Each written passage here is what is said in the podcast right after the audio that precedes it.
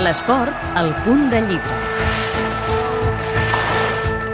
Aquests dies que hem sabut que Carles Puyol deixa el Barça, podem recordar un dels primers Puyols. Una altra defensa important de la història del Barça, que de ben segur recordaran els més grans. Paco Rodríguez, Rodri, membre de l'equip que a finals dels 50 va formar un dels millors Barça de la història, amb Elenio Herrera a la banqueta.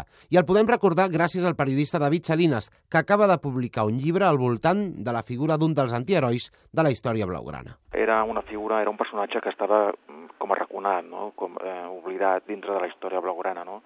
Pensem que el Rodri va jugar a l'equip, el famós equip de l'HH, 58, 59, 59, 60, tot em parlava dels cracs del moment.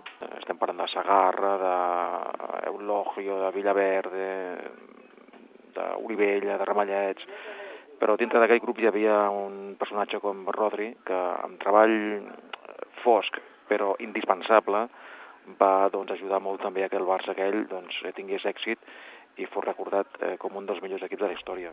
Rodri va ser jugador, entrenador i encara avui, als 80 anys, col·labora amb el Barça fent informes tècnics. En un central contundent, eh, ell sempre se li va posar l'etiqueta de jugador dur, el que passa que la seva gran virtut era l'anticipació, no?